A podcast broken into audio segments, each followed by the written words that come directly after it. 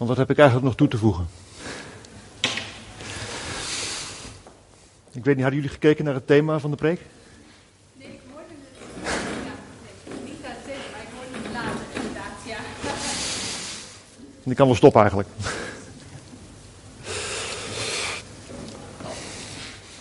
Dank u, Jezus.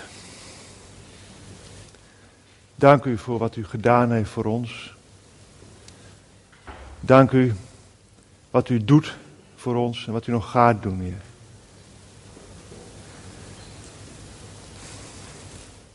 Dank u dat u mij woorden gegeven heeft. Dat u dat ook links en rechts bevestigt, Heer. En ik wil u vragen, Heer, om uh, mijn woorden op de grond te laten vallen. Maar dat uw woorden diep binnen zullen dringen in de harten, Heer. Uiteindelijk gaat het alleen om u. Amen. Niet iedereen die tegen mij zegt, Heer, Heer, zal het koninkrijk van God binnengaan. Alleen de mensen die mijn hemelse Vader willen gehoorzamen, mogen binnenkomen. Op de laatste dag zullen heel veel mensen tegen mij zeggen, Heer, Heer, we hebben toch in uw naam geprofiteerd en in uw naam duivelse geest uit de mensen weggejaagd en in uw naam allerlei wonderen gedaan. En dan zal ik openlijk tegen hen zeggen, ik heb jullie nooit gekend. Ga weg. Jullie wilden mij nooit gehoorzamen. Heftig stukje vind ik altijd. Om dat te lezen. In mijn vorige preek, ik weet niet of je dat nog kunt herinneren, eh, heb ik het gehad over de noodzaak van levensheiliging. Vindt dat nog bekend? Ik heb er toen ook verteld dat het uh, belangrijk is dat we tijd met God doorbrengen. Zoals een bruid tijd doorbrengt met haar bruidegom. Tijd in zijn aanwezigheid, in de aanwezigheid van God. Vandaag wil ik daar verder op ingaan. Het stuk wat ik net heb voorgelezen, daar staan de woorden: Ik heb jullie nooit gekend. En Jezus zegt dat tegen mensen die in zijn naam notabene allerlei heel bijzondere dingen gedaan hebben. Duivels uitdrijven, zieken genezen, allerlei wonderen gedaan. En toch zegt Jezus, ik heb jullie nooit gekend. Hoe zit dat? Waar heeft hij het dan over? Nou, hij heeft het in elk geval niet over van, ik weet niet hoe je heet.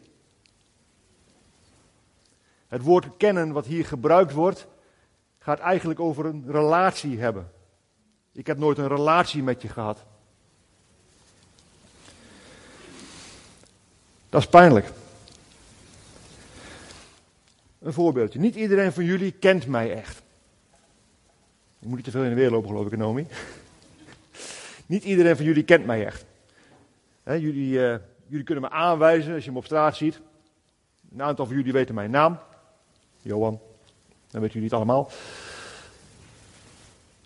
Maar echt kennen, dat is een ander ding. Er zitten hier mensen in de zaal die jij beter kent dan dat je mij kent.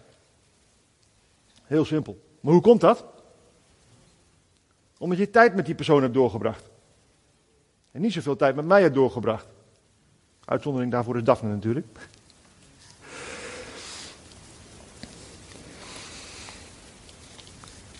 Maar tijd doorbrengen met mensen bouwt aan je relatie. En God vraagt ook dat je gaat bouwen aan je relatie met Hem. Dat je tijd met Hem doorbrengt. Ook in het verborgene. Dat je jouw relatie met God waardevol, belangrijk genoeg vindt. Dat het jou ook wel iets mag kosten.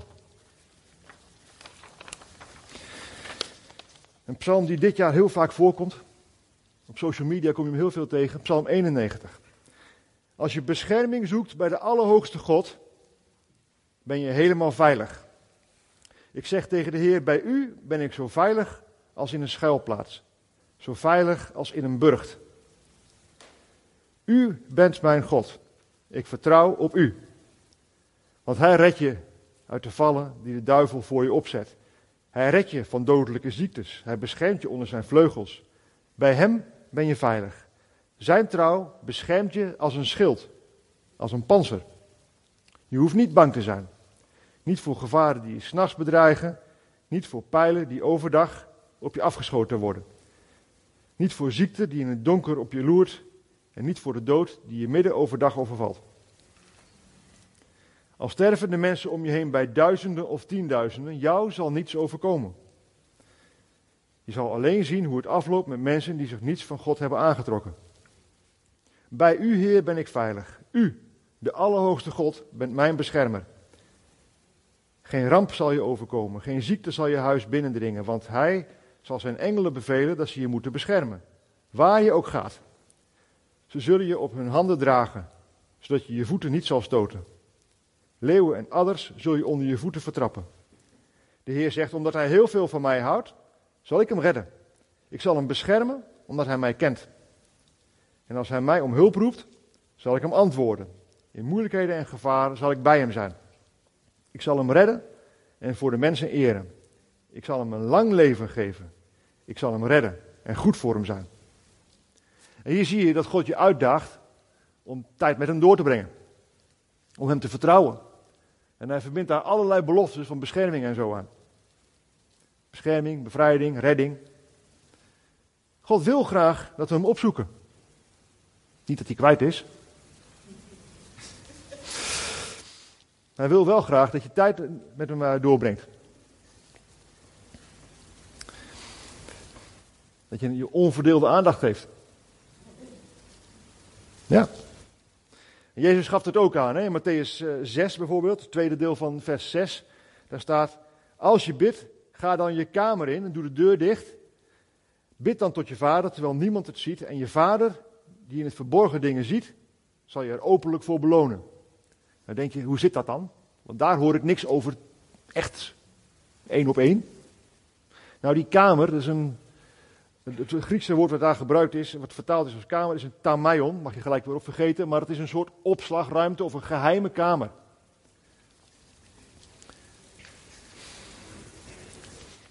Het is niet alleen iets nieuwtestamentisch, ook in het Oude Testament kom je tegen, in Hooglied bijvoorbeeld. Dan zie je iets van het verlangen van Jezus terug. Daar zegt de bruid in Hooglied 1, vers 4, mijn koning brengt mij in zijn kamers. Ja, dat is mooi. Maar daar is het geen Grieks woord. Dat is niet tamaion, want het, het uh, Oude Testament is oorspronkelijk geschreven in het Hebreeuws. Daar is het woord geder. Ga je ook niet onthouden, denk ik. Maar dat woord betekent ook zoiets als een binnenkamer, een slaapkamer, een geheime ruimte. Maar mijn koning wil mij dus in zijn slaapkamer brengen. En nou, wie komen er dan behalve de dienaren om zijn bed op te maken, in de slaapkamer van de koning. Wie zou er daar komen? De koning en zijn bruid. En waarom komen ze daar? Ja, natuurlijk om te slapen. Maar ook voor intimiteit. Intimiteit met elkaar beleven is wel een dingetje wat daar mag gebeuren natuurlijk. En we begrijpen ook wel, denk ik, dat de bruid het niet heeft over we gaan lekker een dutje doen. Hoppa. Hoepa is een uh, bruidskamer, hè? Hooglied is een lied wat in het algemeen gezien wordt als symbolisch voor de relatie tussen Jezus en de kerk. Jezus en zijn bruid. Maar als je dan uh, vers 4 ziet, dan zie je dus dat Jezus verlangt naar intimiteit met ons. Want de gemeente, de kerk, zijn bruid, dat zijn wij. Hij wil ons in zijn slaapkamer brengen. Intimiteit met ons. En hij moedigt ons in Matthäus 6 ook aan om die intimiteit op te zoeken. God wil graag intimiteit met ons en beloont ons ervoor als we ons daarna uitstrekken. Naar die intimiteit. Ook in onze aardse relaties vind je het heel gewoon Als eh, beide partijen eh, willen bouwen aan hun relatie, tijd vrijmaken voor elkaar. We vinden het heel raar als de ene wel en de ander niet bouwt aan een relatie. En als je dat ziet gebeuren, dan denk je ook, nou, dat moet wel misgaan. Ja, toch? Maar jouw relatie met God is veel te belangrijk om te mogen mislukken. De eeuwigheid hangt er vanaf. En dan hoor ik wel eens, eeuwigheid, dat is a mighty long time.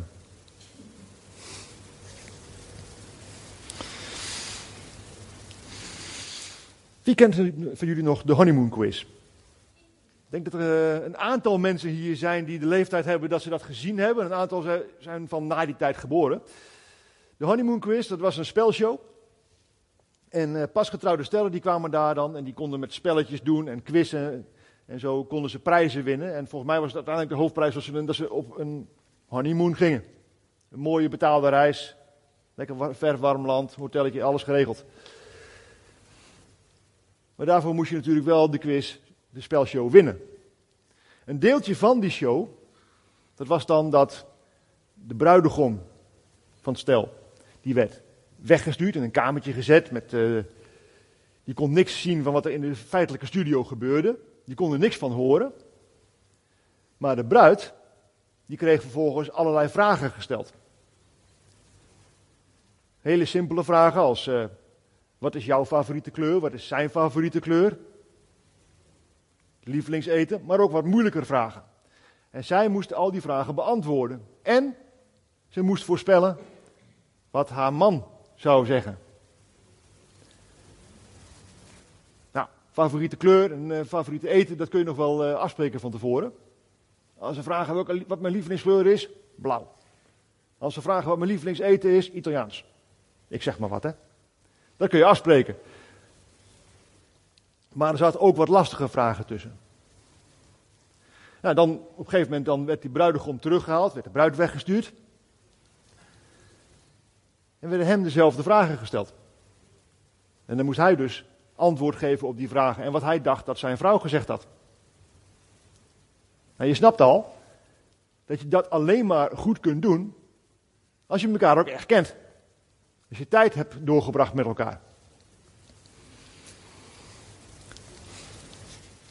En ook niet alleen maar tijd doorgebracht samen in de massa mensen, hè? in de bioscoop. Naast elkaar, ja, we hebben wel tijd doorgebracht met elkaar. We hebben naast elkaar naar hetzelfde scherm zitten kijken. Naast elkaar in een, uh, in een of andere club. We hebben gedanst. Geen, geen geluid. veel te veel herrie om, te, om met elkaar te praten. Maar ja, we zijn wel samen geweest. Maar ook tijd één op één. Dat je gesprekken hebt met elkaar. En gesprekken die echt ergens over mogen gaan. Diepgang mogen hebben. Maar zo is het eigenlijk ook voor jouw relatie met God. Hoe kun jij over Jezus vertellen als je Jezus eigenlijk niet zo goed kent?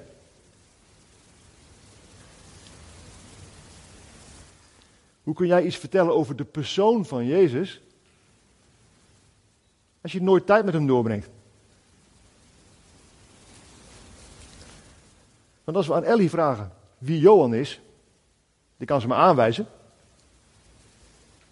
En dan kan ze wel zeggen dat ik af en toe preek, dat ik af en toe leiding van dienst heb, of uh, de mededelingen doe. Hè. Maar ik denk dat dat heel gauw ophoudt. Misschien zegt ze nog van ik vind het wel een aardige vent. Misschien. Maar je krijgt daar een heel ander antwoord van dan wanneer je gaat vragen aan Daphne. Vertel eens wat over Johan. Dan krijg je al veel meer te horen van wie ik ben.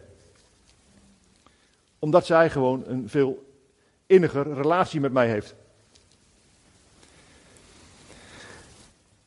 Ook in het Oude Testament zien we hoe mensen zich uitstrekken naar God persoonlijk leren kennen.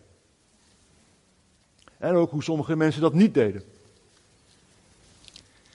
Exodus 20, vanaf vers 18. Het gaat over het volk Israël, is in de woestijn. En dan heeft God aangekondigd: Ik ga jullie bezoeken. En dan vers 18 staat: Het hele volk zag de bliksem en de rook op de berg. en hoorden de donder en het geluid van de ramshoorn. Ze beefden van angst en gingen op grote afstand staan. En ze zeiden tegen Mozes: Vertel jij ons maar wat de Heer zegt, dan zullen wij luisteren. Maar laat God niet tegen ons spreken, want dan sterven we. Maar Mozes zei tegen hen: Jullie moeten niet bang zijn, want God is gekomen om jullie op de proef te stellen en om ervoor te zorgen dat jullie diep ontzag voor hem zullen hebben. Want dan zullen jullie niet ongehoorzaam aan hem zijn. Het volk bleef op grote afstand staan. Maar Mozes ging naar de donkere wolk waarin God was. Het volk durfde het niet. Durfde niet naar God toe te gaan. Mozes wel. En het gevolg van, was dat Mozes een volledig veranderd leven had. En de heerlijkheid van God, de glorie van God, straalde van zijn gezicht. Dus niet van, ach kijk het nou blij zijn. Er kwam echt licht van hem af. De glorie van God straalde van zijn gezicht. Als je het goed doorleest, dat stuk, dan, uh, dan, dan, zie je daar wat meer over. Dat ze op een gegeven moment ook zelfs, dat hij besluit van, ik doe wel een sluier voor, want anders worden mensen een beetje, een beetje bangig. Dan durven ze niet meer goed bij mij in de buurt te komen. Exodus 34 staat dan. Daarna daalde Mozes de berg Sinaï weer af. Hij heeft dan de tien geboden ontvangen. De twee platte stenen van het verbond, de tien geboden, had hij in zijn handen. Hij wist niet dat de huid van zijn gezicht straalde, doordat hij met de Heer had gesproken.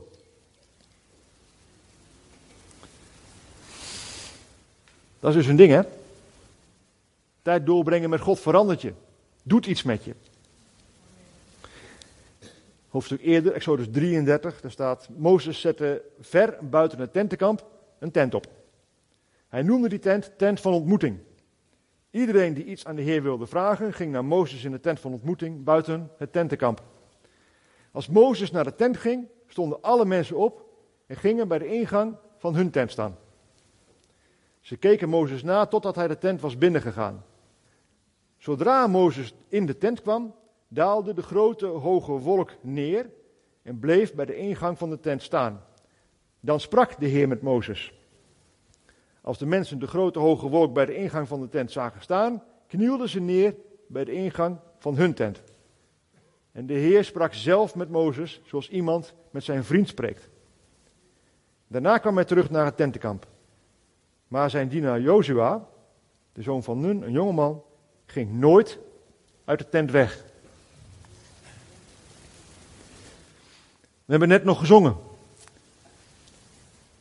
Maar het staat ook, het is heel bijbels, in vers 18 van Exodus 33 staat dat Mozes tegen God zegt, laat mij toch uw majesteit zien, toon mij uw glorie. Dat is gewoon een wat oudere vertaling. Net nog gezongen. Behoorlijk benadrukt ook door uh, José. En die wist echt niet dat ik dit uh, zou gaan benoemen. Maar hoe, hoe ging God daarmee om? Zei hij tegen Mozes, wat je nou vraagt, dan mag je nooit meer vragen. Wie denk je wel dat je bent? Ben jij soms heilig genoeg dat jij mij zou mogen kunnen zien, hè? Vieze, vuile moordenaar. Mozes had iemand vermoord. Nee. Mozes, Mozes kreeg wat hij gevraagd had. God beloonde hem daarvoor.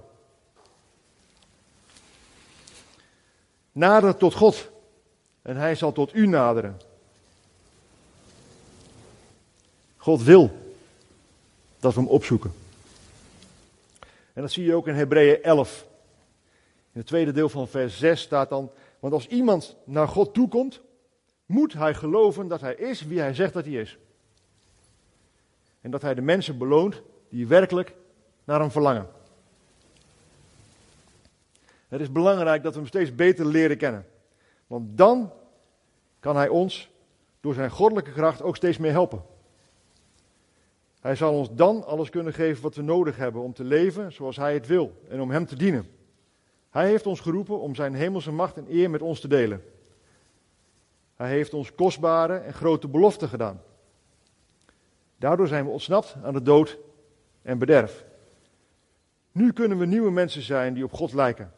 De dood en het bederf heersen in de wereld door de verkeerde verlangens van de mensen. Dat staat in 2 Petrus 1 versen 3 en 4.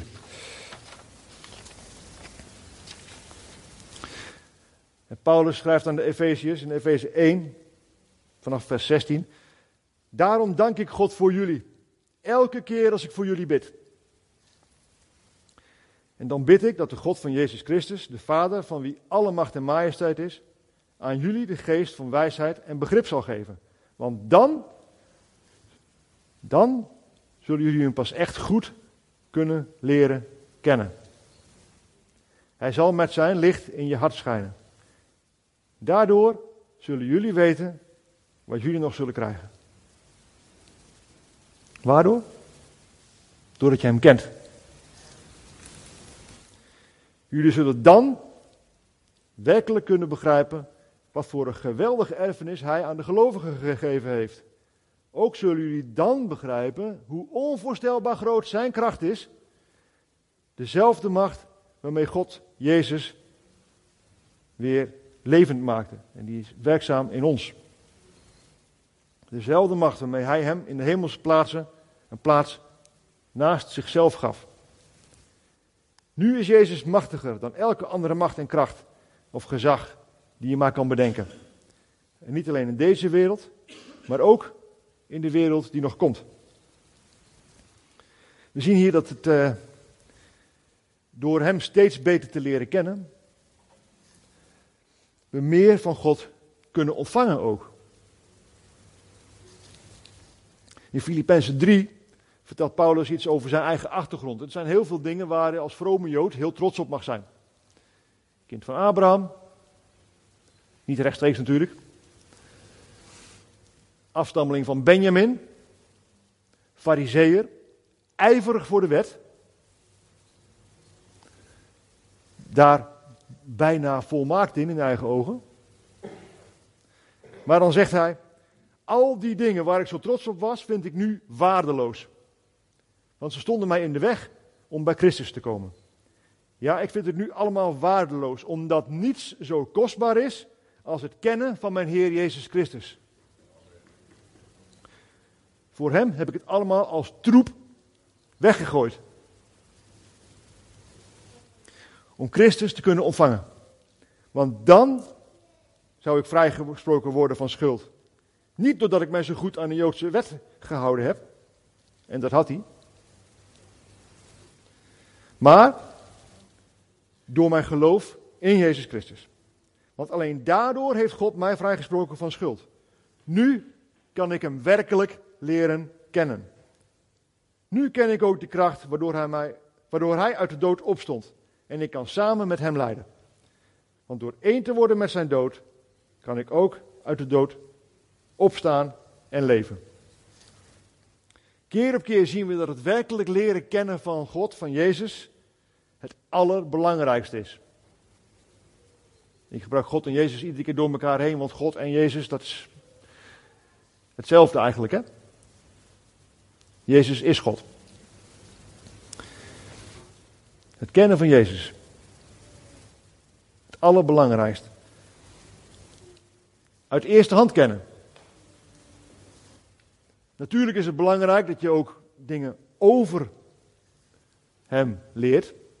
Dat is wat ik nu ook aan het doen ben, uit de tweede hand. Ik vertel jullie iets wat ik zelf ontdekt van van hem heb mogen ontvangen. Geef ik aan jullie door. Maar het is veel belangrijker dat je uit de eerste hand dingen van hem leert. Dat je hem zelf leert kennen. De apostel Johannes was helemaal hotel de botel van Jezus. Hij lag, staat, lezen we, met zijn oor aan de borst van Jezus.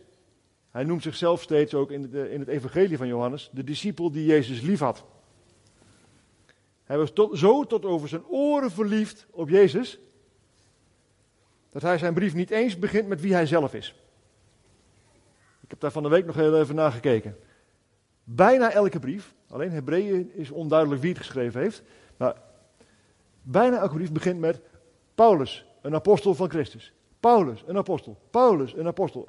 Paulus en Timotheus, nog iemand anders. Petrus, een apostel. Johannes niet. Die doet dat niet. Die vertelt niet wie hij is, de schrijver van die brief. Hij denkt, allemaal niet zo belangrijk. Ik begin met wat ik belangrijk vind. 1 Johannes 1, vers 1. Daar staat niet Johannes, een apostel van Jezus. Nee, 1 vers 1. We willen jullie vertellen over het levende woord. Wie? Over Jezus. Het levende woord was er al vanaf het begin. Wij hebben hem gehoord. Met onze eigen ogen gezien. Met onze eigen handen gevoeld. Bam. Dat is belangrijk. Daar wil ik over vertellen. Johannes had, wist van Jezus, kende Jezus uit de eerste hand. Met zijn eigen stem gehoord. Met zijn eigen ogen gezien. Met zijn eigen handen gevoeld. Hij lag met zijn oren aan de borst van Jezus. Hij heeft letterlijk de biologische hartenklop van Jezus gehoord. Boem, boem. Boem, boem. Zijn hartenklop. Dan ben je dichtbij, hè? Dan heb je hem ervaren. Soms denk ik wel eens, ik wou dat ik daar was. Ik heet toevallig ook Johannes. Maar ik mag nu leven. Daar had God blijkbaar ook een plan mee. Nee. Johannes, de apostel, de discipel van Jezus, de discipel die Jezus lief had, had hem echt ervaren. Die had niet alleen maar hoofdkennis, die had hartekennis. Een diepe, innige relatie met hem. En daardoor kunnen we zien dat de geweldige dingen die aan ons beloofd zijn, ook aan ons gegeven worden.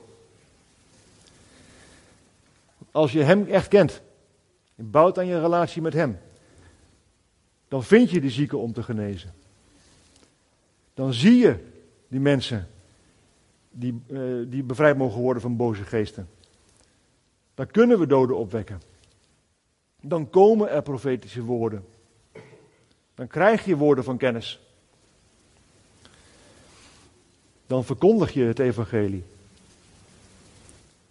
Allemaal vanuit het Hem kennen. Je bent er niet specifiek naar op zoek. Het gebeurt gewoon. Het overkomt je bijna. Omdat je doet wat je Jezus ziet doen. Het draait allemaal om dat scharnier van Hem kennen. En dan ga je dingen doen, maar niet als een slaaf, maar als een vriend. Uit liefde voor Hem. Omdat we weten dat Hij ongelooflijk veel verdriet heeft om de verlorenen. En omdat je dat weet, wil je er iets aan doen. Want we houden zoveel van Hem. Dan wil je toch dat verdriet wegnemen.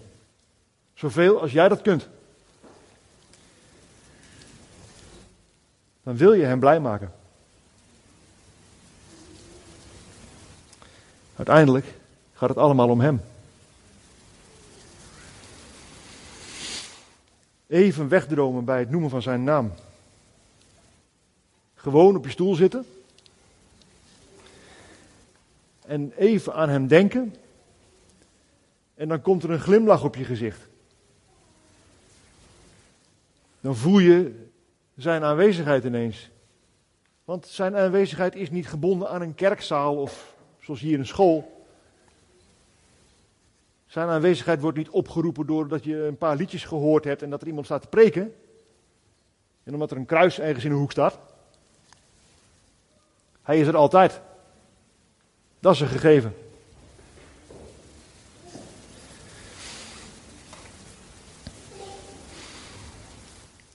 En zijn aanwezigheid. De mensen die zijn aanwezigheid geregeld ervaren, die zullen met meteen roepen: er is niks beter dan dat. Hoor ik een amen? Er is echt niks beter dan dat. Omdat jij de tijd neemt om te bouwen aan je relatie met Hem. Omdat je het belangrijk vindt. Omdat je Hem steeds beter wil leren kennen. Het is belangrijk om te bouwen aan je relatie met God. En dat niet alleen door af en toe Bijbel te lezen en een, eh, naar de kerk te gaan en af en toe kort te bidden. Je kunt het vergelijken met eh, je relatie met een geliefde. Ook dat is niet een kwestie van af en toe een eh, liefdesbriefje lezen en elkaar kort opbellen. Ik zou dat heel raar vinden hè, als de relatie van, eh, van Willem en Janneke gebaseerd was op iets vaags als eh, elkaar kort opbellen en af en toe een liefdesbriefje lezen. Hey, hoi, hoe gaat het? Goed, mooi, met mij ook. Hey, wil je zo meteen eh, wat boodschappen doen? Ik stuur je een lijstje. Zo, ik heb hem gestuurd. Wil je boodschappen doen? Fijn, dankjewel. Wat zeg je? Oh, wacht, ja, het lijstje is wat te lang om alles op de fiets mee te nemen. Ja, sorry, ik heb zelf geen tijd om het te halen, want ik moet nog van alles doen thuis. Maar als ik thuis kom, heb ik de auto. En eh, die mag je natuurlijk gebruiken.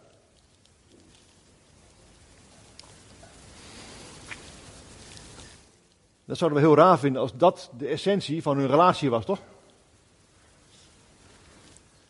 Maar als je heel eerlijk bent, hoeveel mensen gaan niet op die manier om met God, met Jezus? Ik heb het zelf ook. Heel veel mensen, ikzelf zeker daaronder begrepen, zien God eigenlijk als iemand die opdrachten geeft. En op wie je terug kan vallen als je een beetje hulp nodig hebt om die opdracht uit te voeren. En natuurlijk, hij wil je helpen. En natuurlijk, hij vraagt wel eens dingen van je. Maar het is zoveel meer dan dat. Jouw relatie met hem laat zien dat er zoveel meer is dan dat.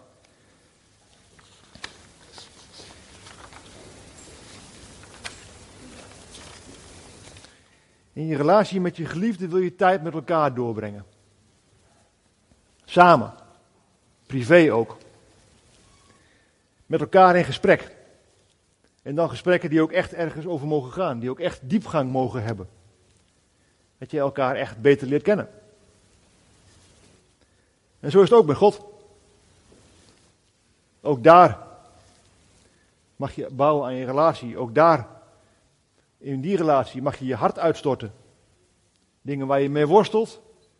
Dingen waar je blij mee bent. Gewoon waar jij mee bezig bent. Grote dingen, kleine dingen, maakt niet uit. Net als in je relatie met jouw geliefde, hoeven niet alle gesprekken altijd maar superveel diepgang te hebben. Dat is helemaal niet nodig. Maar, als het erop aankomt, moet die diepgang er wel zijn. Natuurlijk mag je ook geintjes maken met je geliefde. Over koetjes en kalfjes praten, dingen die helemaal niet belangrijk zijn. Maar als puntje bij paaltje komt, moet er ook ruimte zijn voor diepe gesprekken. En met God net zo. Dan vind je het misschien raar om grapjes te maken met God, maar het kan echt. Hij heeft humor. Kijk maar om je heen. Maak tijd vrij voor God. Om te bidden, maar ook om gewoon stil te zijn. als ik jullie vraag, wat is bidden? Wat zeggen jullie dan? Praten met God. Praten met God. Niet praten tegen God, met God. Twee richting verkeer. Dus God krijgt ook de kans om te reageren op wat je zegt. Dat betekent dat je, net als in een gesprek met mensen, God de ruimte geeft om te reageren. En dan krijg je wel een lastig stukje, hè? Want dan ben je met God in gesprek. En dan zegt hij, ja, ik vind dat en dat in jouw leven, ja, vind ik toch eigenlijk wel wat minder. Daar zou je wat mee moeten doen. Moet je mee stoppen. Of, dit en dit doe jij eigenlijk niet, maar het zou beter zijn als je dat wel doet. Dat is lastig, want daar moet je dan wel wat mee.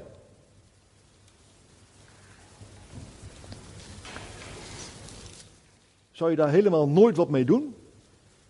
Nou, dan is de kans groot dat God op een gegeven moment zegt: Hé, hey, luister, als jij er toch niks mee doet, waarom zou ik je dat dan nog vertellen? Waarom zou ik überhaupt nog iets tegen je zeggen als jij niet eens doet wat ik zeg? Ook al heb ik het beste met je voor. Nee, maar maak tijd vrij voor God. Om te bidden, om stil te zijn, om te genieten van zijn aanwezigheid. Zoals je het ook tijd vindt, fijn vindt om uh, samen met je geliefde te zijn. Ook als er niks gezegd wordt. Gewoon samen op de bank. En dat gaat echt niet altijd meteen helemaal goed, hè? Dat snap ik ook. En dat geeft ook helemaal niet. Want God gaat het om je hart. Dat je het wil. Als jij een keer een dagje aan het eind van de dag bedenkt, oeh, ik heb eigenlijk helemaal geen tijd aan God besteed. Ik heb helemaal niet gebeden. Nou, God valt niet van zijn troon. Dat sowieso niet. Hij wordt niet boos op je. Dan kun je denken, nee, hij is teleurgesteld. Nou, het, uh, ik vind het altijd wat lastig. Ik denk bij mezelf, wat, hoe saai is dat? Maar je kunt God niet verrassen. God heeft alles al gezien. Hij wist het al. Hij wordt niet boos. Hij is niet teleurgesteld. Je mag gewoon terugkomen bij hem. Gewoon opnieuw. Gewoon opnieuw bij hem komen. Het gaat ook natuurlijk helemaal niet om hoe lang jij eigenlijk eh, in gebed bent. Hoe lang jij de tijd neemt voor God. Ook dat is helemaal niet waar het om gaat. Oeh, ik, uh, ik denk dat ik maar op me ga nemen om elke dag twee uur tijd vrij te nemen voor God. Doe jij twee uur maar? Ik doe er drie. Uh, wacht. Onderbreken jullie het dan? 24 uur per dag bezig met God. Nee, dat gaat er helemaal niet om. Het gaat er wel om hoe belangrijk jij het vindt. Hoe belangrijk vind jij je tijd met God? Laten we eerlijk wezen. We zeggen dat we van God houden. Maar als niks van wat wij doen laat zien dat we menen wat we zeggen, zijn we dan geen leugenaars?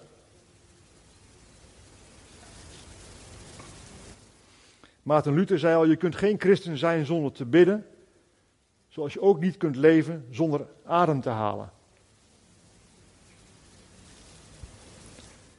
Nou, Psalm 91 heb ik al voorgelezen net. gaan we niet nog een keer doen.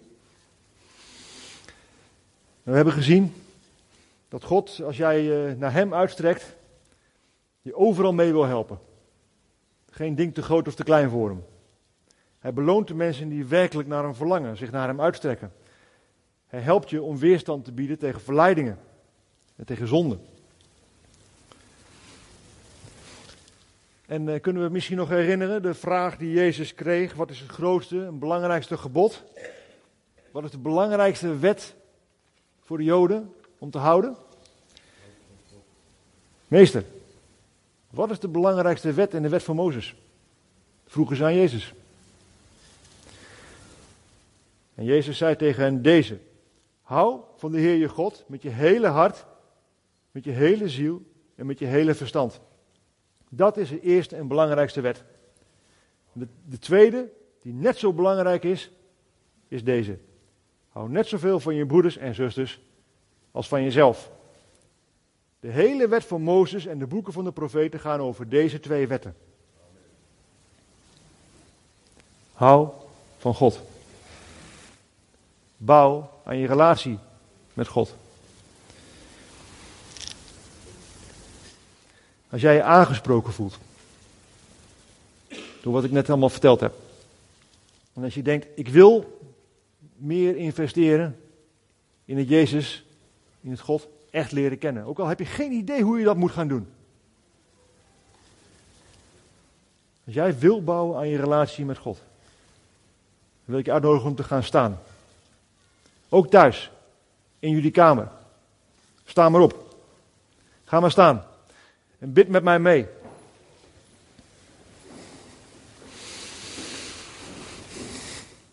Lieve Jezus, bid maar met me mee. Lieve Jezus, dank u dat ik u mag kennen. Ik wil u beter leren kennen. Help mij daarbij. Laat mij zien hoe ik kan groeien in het kennen van u. Laat mij nieuwe manieren zien waarop ik u beter kan leren kennen. Help mij om open te staan. Om elke dag opnieuw van u te ontvangen wat u voor dat moment voor mij heeft. Help mij om u beter te leren kennen dan wie ook op deze planeet.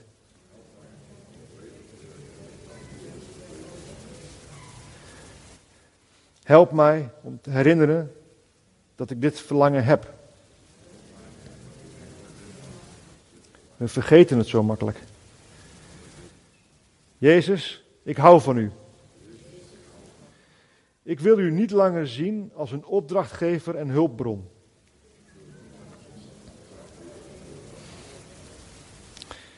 Ik wil u zien zoals u werkelijk bent. Dank u dat u gebeden verhoort. Amen. Laten wij een leven van aanbidding leiden. Niet een leven van, uh, waar je alleen maar liedjes uit de opwekking mag luisteren of zingen. Maar een leven in volledige overgave aan God. Waar God een ontzettend groot deel van je leven en van je gedachten en van je tijd in beslag mag nemen. Een leven waarin je even kunt wegdromen bij het noemen van de naam Jezus. Hij is het waard. Hij is het zo waard. Hij vervult je diepste verlangens. Hij geneest je diepste pijn. Als jij je leven voor het eerst of opnieuw wil toewijden aan Jezus. Als je hulp nodig hebt om invulling te geven aan wat ik verteld heb. Kom dan naar het kruis. We willen je graag helpen met je bidden. En als je thuis zit, snap ik dat je niet naar het kruis komt. Maar stuur dan op zijn minst even een mailtje naar info.leefzutver.nl. Of als je weer aan de beurt bent voor een uh, live dienst meemaken, kom dan op dat moment naar het kruis. Want de uitnodiging staat altijd open. Dank jullie wel.